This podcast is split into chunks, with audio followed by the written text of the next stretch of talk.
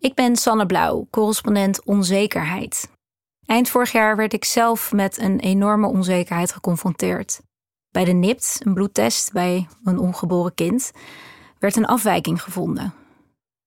Wat volgde was een maand vol onzekerheid en heel veel wachten en heel veel piekeren. Een maand waarin ik me ging afvragen: is het eigenlijk wel beter om meer te weten? Hier gaan we. Op een woensdagmiddag eind november pakte ik mijn telefoon op. Ik had urenlang zitten schrijven en hij had al die tijd op niet storen gestaan. Ik bleek zes gemiste oproepen te hebben. Eén van een onbekende 06, twee van een anoniem nummer en drie van mijn man. Hem belde ik als eerst. Ik was 13 weken zwanger en een week eerder had ik bloed laten prikken voor de NIPT, de niet-invasieve prenatale test. We hadden besloten dat we wilden weten of ons kind een van de drie afwijkingen had die met de test kunnen worden ontdekt: het syndroom van Down, van Edwards of van Patau. We hadden de verloskundige moeten laten weten of we ook op de hoogte gesteld wilden worden van mogelijke nevenbevindingen. Andere grote afwijkingen die in het DNA gevonden konden worden. Ach, hadden we gedacht, waarom niet? Je kunt het maar beter weten, toch? Maar vandaag was mijn man onder het rijden gebeld door de verloskundige. Hij kon maar beter zijn auto aan de kant zetten, had ze gezegd. Want bij ons kind was een nevenbevinding geconstateerd. De klinisch geneticus moest het maar verder uitleggen. Terwijl mijn man het mij vertelde aan de telefoon, werd ik weer door een anoniem nummer gebeld. De geneticus. Die legde uit dat er een deletie was gevonden. Er ontbrak een stuk van een chromosoom. Wat dat betekende, kon ze nog niet zeggen, maar mogelijk was het ernstig. Ieder jaar zijn er gemiddeld 175.000 zwangerschappen in Nederland. Iedere zwangere moet beslissen of ze meer informatie wil over prenatale screening en, zo ja, of ze de NIPT wil laten doen. Grofweg de helft doet dat niet. Zij vinden dat ieder kind welkom is, zouden nooit een zwangerschap afbreken of vinden het simpelweg te duur. Maar dat laatste bezwaar is sinds kort weggevallen. Want kostte de NIPT eerst nog 175 euro, vanaf 1 april is de test gratis. Grote kans dat er nu meer zwangeren voor de test zullen kiezen en dat meer mensen via een telefoontje te horen zullen krijgen dat er iets mis is. Van de zwangeren die kiezen voor een NIPT krijgt 5 op de 1000 te horen dat er één van deze drie syndromen zijn gevonden: Down, Edwards of Patau. Dat zijn trisomieën. Er is een extra exemplaar aanwezig van respectievelijk chromosoom 21, 18 of 13. En van degenen die naast de NIPT ook vragen naar eventuele nevenbevindingen, hoort 4 op de 1000 dat er inderdaad zo'n bevinding is geconstateerd. Daar hoorde ik nu dus bij. Of het nou de NIPT is of een ander bevolkingsonderzoek, elke Nederlander wordt op een gegeven moment geconfronteerd met de keuze tussen weten en niet weten. In mijn geval volgde een onzekere tijd, waarin ik angstvallig grip probeerde te krijgen op iets waar ik al lang geen invloed meer op had. Een tijd die me confronteerde met de vraag: is de prijs van het willen weten niet te hoog? Anderhalf uur na het telefoontje van de geneticus zaten we tegenover haar in de spreekkamer. Wat ze op het scherm liet zien herinnerde me aan biologielessen op de middelbare school. Een eicel, een zaadcel, chromosomen, A, C, G, T. Bij de NIPT was mijn bloed onderzocht, legde ze uit. En dat bloed is een mix van mijn eigen materiaal en dat van de placenta. Ze kon op basis van de test dus niet zeggen of de afwijking bij het kind zat. Het kon ook bij mij zitten of alleen in de moederkoek. Dus zouden ze mijn witte bloedcellen onderzoeken, die alleen mijn DNA bevatten, en het bloed van mijn man bekijken. Als één van ons die gevonden afwijking had, vertelde de geneticus, dan was er niks aan de hand. Wij waren immers gezond. Maar wat was het dan, die afwijking? Dat kon ze niet zeggen. Een nipt geeft een korrelig beeld, dus je kunt wel zien dat er een stuk van een chromosoom ontbreekt, maar niet precies waar. Er zijn stukken chromosoom die niks doen, of die niet zulke belangrijke functies hebben dat je een zwangerschap erom zou afbreken. Als we het inderdaad allebei niet bleken te hebben, zei ze, dan konden we er alleen door middel van een vruchtwaterpunctie achterkomen of ons kind de afwijking had. Ik zei: Daarbij bestaat een risico op een miskraam, toch? Ja, zei ze, 1 op de 500. Ik schrok. Dat vind ik best hoog. Kansen zijn lastig, zei ze, maar het betekent dat het in 499 van de gevallen goed gaat. Mijn man zei: Ik ben een vruchtwaterpunctie-survivor. Mijn moeder was ouder, dus deed ze een punctie. Vanaf de jaren 70 werd het in Nederland voor vrouwen die boven een bepaalde leeftijd waren mogelijk om een vruchtwaterpunctie te doen. Aanvankelijk alleen voor Down, maar door de jaren heen konden zo steeds meer genetische afwijkingen opgespoord worden. Vanaf 2007 werd de combinatietest aangeboden. Die was niet meer invasief, er hoefde geen instrument een orgaan binnen te gaan en daarom minder risicovol. Alleen, de test was vrij onbetrouwbaar. Dus werd vanaf 2017 de NIPT geïntroduceerd voor iedere zwangere. Die bloedtest was betrouwbaarder, maar kon nog steeds geen uitsluitsel geven. En bij een afwijkende uitslag moet je vervolgonderzoek doen. Dus alsnog een vruchtwaterpunctie of een vlokkentest om duidelijkheid te krijgen. En aan dat onderzoek kleeft dus het risico op een miskraam. Daar in de spreekkamer kreeg ik het gevoel dat die punctie de logische volgende stap was. Maar als we niet eens wisten wat de ernst van de afwijking was, moesten we dan wel kiezen voor een onderzoek waarbij we ons kind kwijt konden raken. Maar eerst bloed prikken. Binnen twee weken zouden we de uitslag horen. Die avond lag ik op mijn rug in de spreekkamer van de verloskundige. Ze drukte een apparaat op mijn buik. Boem, boem, boem, boem. Voor het eerst hoorden we het hartje van ons kind. Het bonste met 160 slagen per minuut. Ze kon ook nog wel een echo maken, zei ze aarzelend, maar het kon zijn dat ze iets zag waarvan ze niet meteen kon zeggen wat het was. We konden besluiten om het dan maar niet te doen. Want, zei ze, jullie hebben het recht op niet weten. Ik wist het toen nog niet, maar ze verwees naar een recht dat staat in de Wet Geneeskundige Behandelingsovereenkomst, de WGBO, die de relatie tussen zorgverlener en patiënt regelt. Er staat in dat je het recht hebt om informatie te ontvangen over je gezondheid, maar ook om die te weigeren. In dit geval wilde ik het wel weten. Niet omdat ik me zorgen maakte, maar omdat ik ons kind graag wilde zien. En daar lag het te slapen als in een hangmatje. Schud je heupen maar heen en weer, zei de verloskundige, dan wordt het wakker. En jawel, het draaide zich op de zij met het handje bij het hoofd, net zoals ik zelf doe als ik ochtends wakker word gemaakt. Hoe kon er met dit wezentje iets mis zijn? Vlak voor we de kamer uitliepen, begon ik over de punctie. De verloskundige zei dat ze daar in dit ziekenhuis heel goed in waren. Ik zei dat ik niet wist of we het wel moesten doen als het nodig zou blijken. Maar dan weet je het dus nog steeds niet, zei ze. Beduusd liep ik met de echofoto's in mijn hand de praktijk uit. Die vrijdagnacht lag ik te woelen. Als een punctie nodig zou blijken, dan moesten we snel beslissen. Dus ik kon maar beter nu al proberen te beredeneren of het een goed idee was. En dat moest ik toch kunnen. Jarenlang had ik geschreven over cijfers.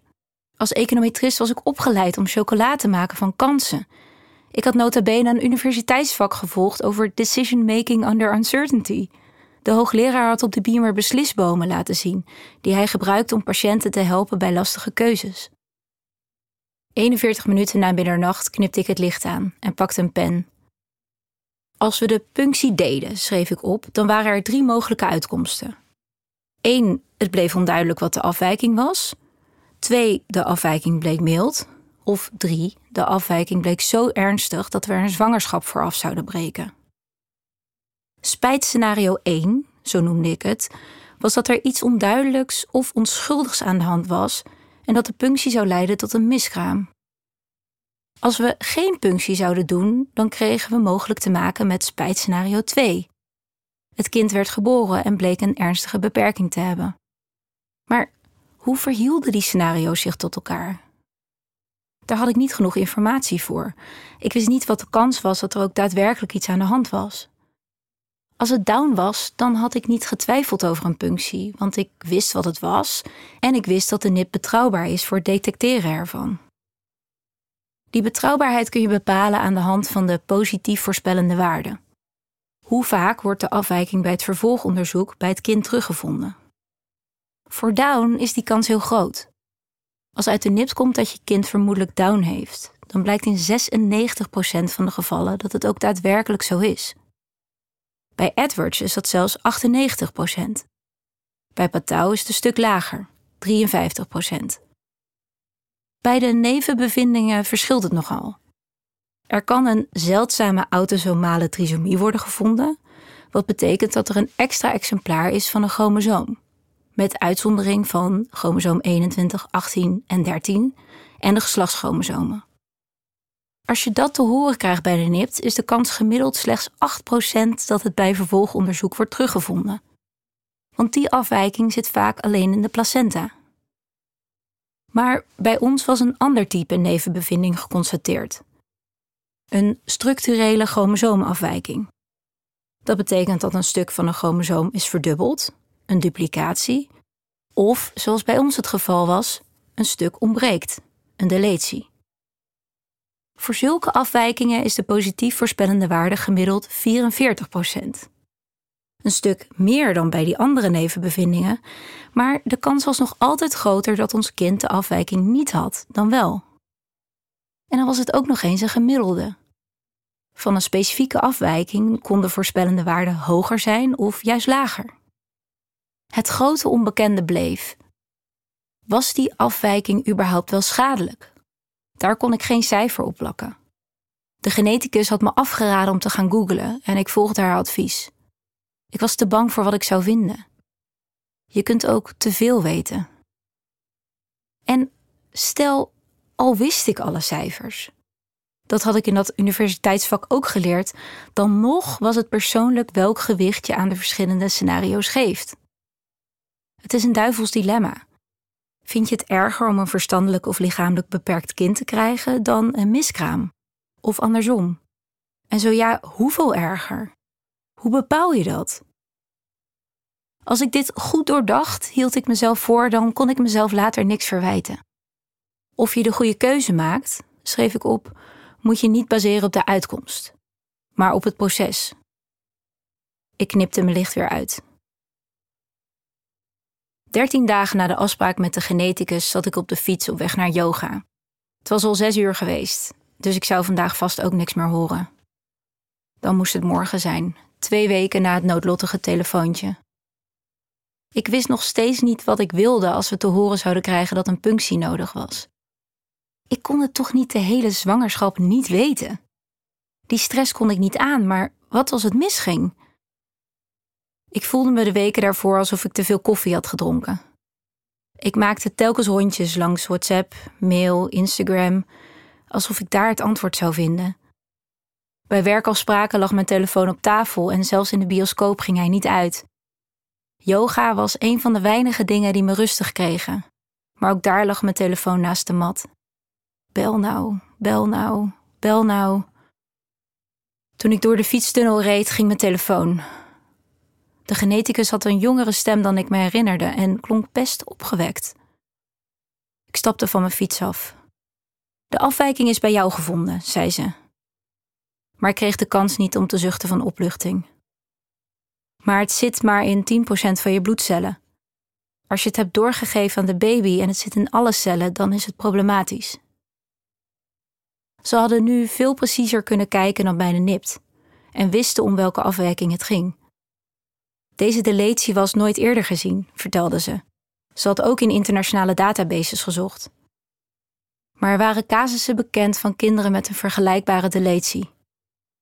Ze noemde de mogelijke afwijkingen op: een ernstige verstandelijke beperking, problemen met het hart, problemen met de nieren, een korte lengte, problemen met de penis, een vreemd gevormd hoofd. De verzameling aan symptomen was zorgwekkend, zei ze. Op de afdeling zouden ze zo'n aandoening als ernstig beschouwen. De afgelopen weken had ik geleefd met twee mogelijkheden. Het zit bij ons of het zit niet bij ons. En ineens was daar een derde. Ik voelde meteen, dit wilden we weten. Terwijl ik mijn fiets over de loopbrug duwde, zei ik dat ik het nog moest overleggen met mijn man, maar dat ik zelf graag de punctie wilde doen. Dat onderzoek zou in ieder geval een zwart-wit uitslag geven, zei ze. We zouden zeker weten of de baby de afwijking wel of niet had. En dat was fijn, drukte de geneticus me op het hart. Want een onzekere uitkomst was het allerergste. De ochtend na het telefoontje van de geneticus zat ik aan de eettafel met mijn laptop. We konden over een paar dagen al terecht voor de vruchtwaterpunctie en ik wilde weten hoe lang ik daarvan zou moeten herstellen. Op de site van een universiteit las ik over de naald die straks mijn buik in zou gaan. Ik scrolde naar beneden en las: De bevalling zou moeten worden ingeleid als we besluiten om de zwangerschap af te breken. Ik duwde mijn stoel naar achter alsof er net een eng beest op tafel is gesprongen. Wat is er? vroeg mijn man. Ik vertelde hem wat ik had gelezen. Niet googelen, riep hij uit. Ik wist niet wat ik dan had gedacht. Iets met een verdoving en een operatie of zo. Wakker worden als het achter de rug is. Later die ochtend sprak ik een vriendin die een zwangerschap had afgebroken. Bij haar kind was Down gevonden. Het hielp haar juist bij het afscheid, vertelde ze, om die bevalling mee te maken. En toen stelde ze me de vraag die ik vaker had gehad de laatste weken: Wat voel je? Ze had veel boeken gelezen en in de verhalen waar het misging, voelde zwangeren het vaak al als er iets niet in orde was met hun baby.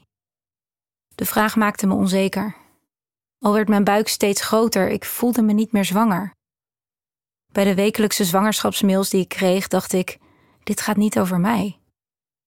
Ik klikte ze weg zonder ze te lezen.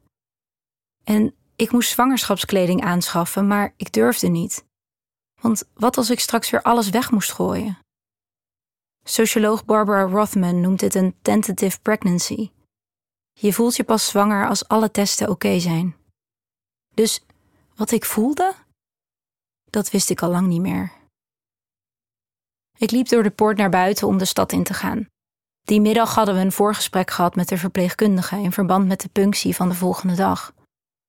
Ik had haar hoopvol gevraagd of die miskramen niet gewoon kwamen doordat die zwangerschappen überhaupt al problematisch waren. Onderzoek doen naar oorzakelijke verbanden is lastig, dat wist ik. Want komt een miskraam nou door de punctie of is er misschien een derde factor verantwoordelijk voor de miskraam? Bijvoorbeeld, oudere vrouwen hebben en een hogere kans op een miskraam en komen vaker in aanmerking voor een punctie, omdat ze door hun leeftijd ook een hogere kans hebben op een aangeboren afwijking. De gouden standaard is dan het gecontroleerde experiment waarin de controlegroep en de testgroep vergelijkbare karakteristieken hebben. Dat is op het gebied van vruchtwaterpuncties maar één keer gedaan. Tussen 2014 en 2016 met bijna 2000 vrouwen in Frankrijk. In beide groepen waren acht miskramen. Dus er leek geen grotere kans op een miskraam te zijn bij een punctie. Maar, erkenden de auteurs, met zulke kleine aantallen is het de vraag of je genoeg data hebt om echt uitspraken te doen. In 2019 veegden wetenschappers deze en elf andere studies op één hoop om een overzicht te krijgen van de risico's. Ze vonden dat het verschil in miskramen tussen de groepen met en zonder punctie 0,30% bedroeg. Een risico van ongeveer 1 op de 300. Maar als je verder filterde, zodat vrouwen met dezelfde risicoprofielen met elkaar werden vergeleken, dan werd de kans 0,12%, zo'n 1 op de 800 en statistisch niet significant anders dan nul. Het is de vraag of je voldoende vertrouwen hebt in die observationele, niet-experimentele studies. Maar die 1 op de 500, waar de geneticus ons over had verteld, die leek in de goede richting te zitten. Ik draaide me om. Had ik de poort wel op slot gedaan? Misschien niet. Ik voelde aan de klink. Ja. Ik draaide het slot open en liep door naar de achterdeur. Die was ook op slot. Ik liep weer naar buiten. We hadden nog steeds geen idee van de kans dat ik de afwijking had doorgegeven, schoot weer door mijn hoofd. Theoretisch lag het tussen de 0 en de 50 procent. Het kon in geen enkele van mijn eicellen zitten of in de helft. Het risico op een miskraam kon zomaar groter zijn dan de kans dat er iets mis was met ons kind. Ik draaide me opnieuw om. Had ik de kaarsjes wel uitgeblazen? Ik had de echofoto bij een olielampje gelegd dat ik aanstak als ik thuis was. Ik tuurde door het raam. Ja, uit.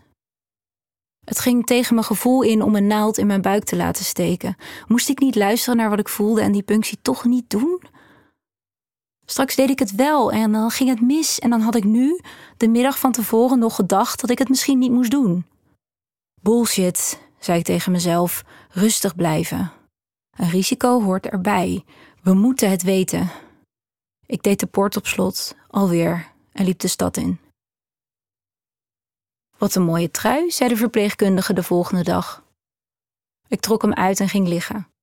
Ze ontsmette mijn buik en drukte er een apparaat op. Ons kind verscheen op de monitor boven het bed. Daar is het hartje. Ik zag het kloppen en was opgelucht. De laatste weken voelde ik me fysiek zo goed dat ik dacht dat dat weer een slecht teken was. De gynaecoloog aan de andere kant van het bed pakte de naald. Het is eigenlijk alleen maar erg als we de ogen raken, zei ze. Ik sloot mijn ogen. Ik hoefde niet te zien hoe de naald het echobeeld binnen zou komen. Het voelde precies zoals ik dacht dat het voelde als er door vijf lagen weefsel heen wordt geprikt, waarvan één een spier.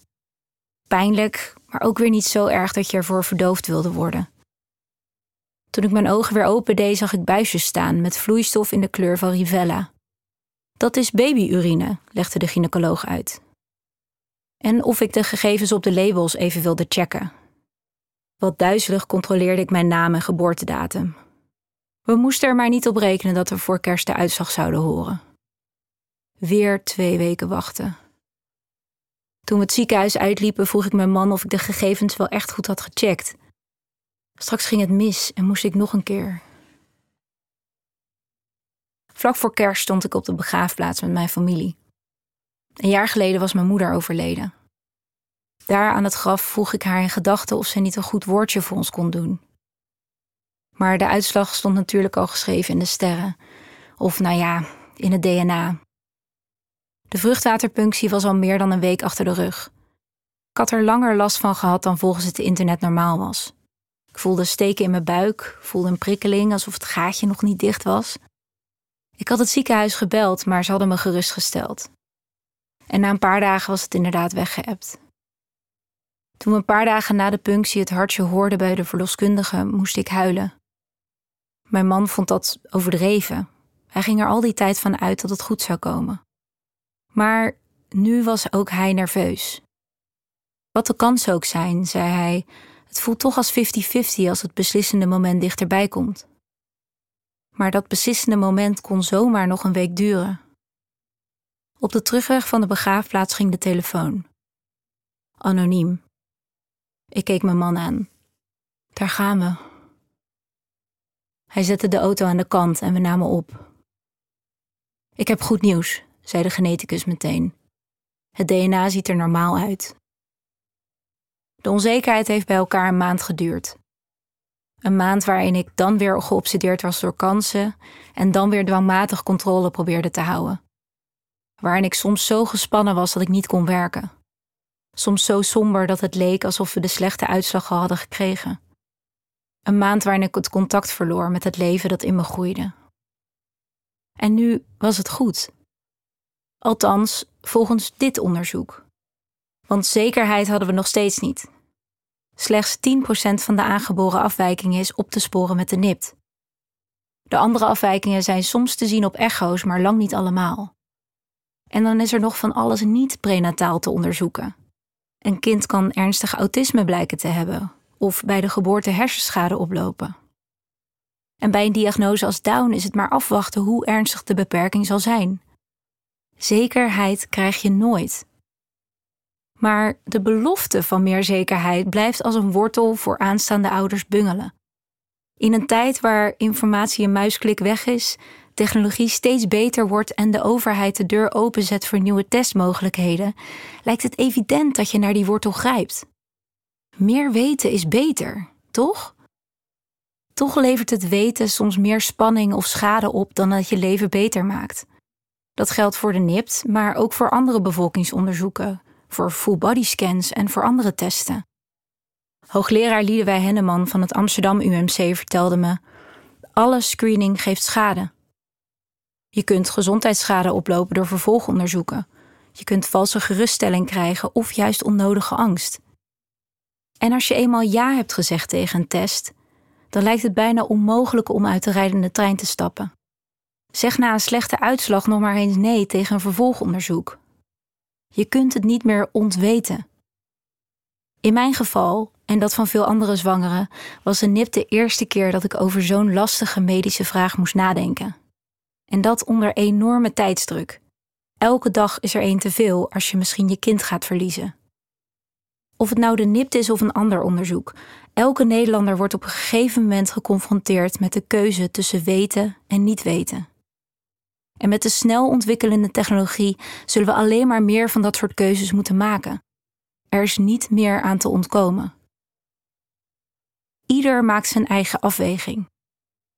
Zou ik opnieuw kiezen voor een nip met nevenbevindingen? Ik weet het nog steeds niet.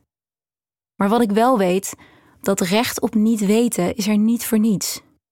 Je kunt, geheel tegen de tijdsgeest in, de onzekerheid laten voor wat het is. In de kerstvakantie liep ik door het bos. Mijn telefoon ging, anoniem, de geneticus. Alles was goed met de baby, zei ze gauw, maar ze wilde toch graag uitzoeken wat de afwijking in mijn bloed betekende. Voor hetzelfde geld wees het op een ziekte. Ze wilde graag weten of er iets aan de hand was. Ik stemde in met een vervolgonderzoek. Wie weet.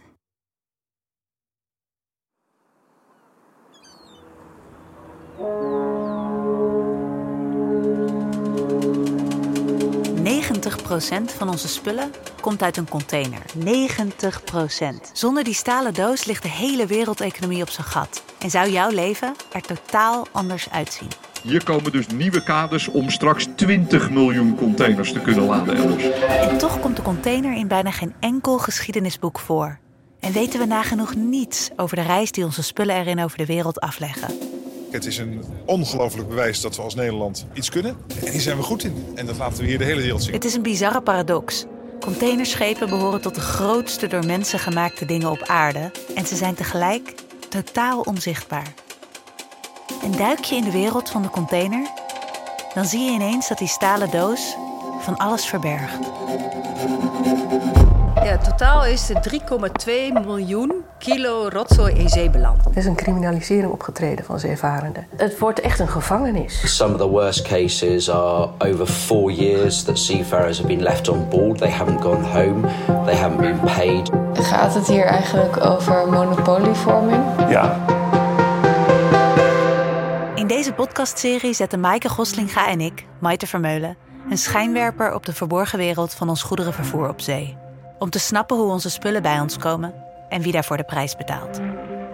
We always have our aha moments. Um... What was yours? Luister nu naar Containerbegrip, een podcast van de correspondent. Het gaat af en aan, het gaat dag en nacht door. Jaar in jaar uit. Ik vraag me wel eens af wie maakt dat allemaal op.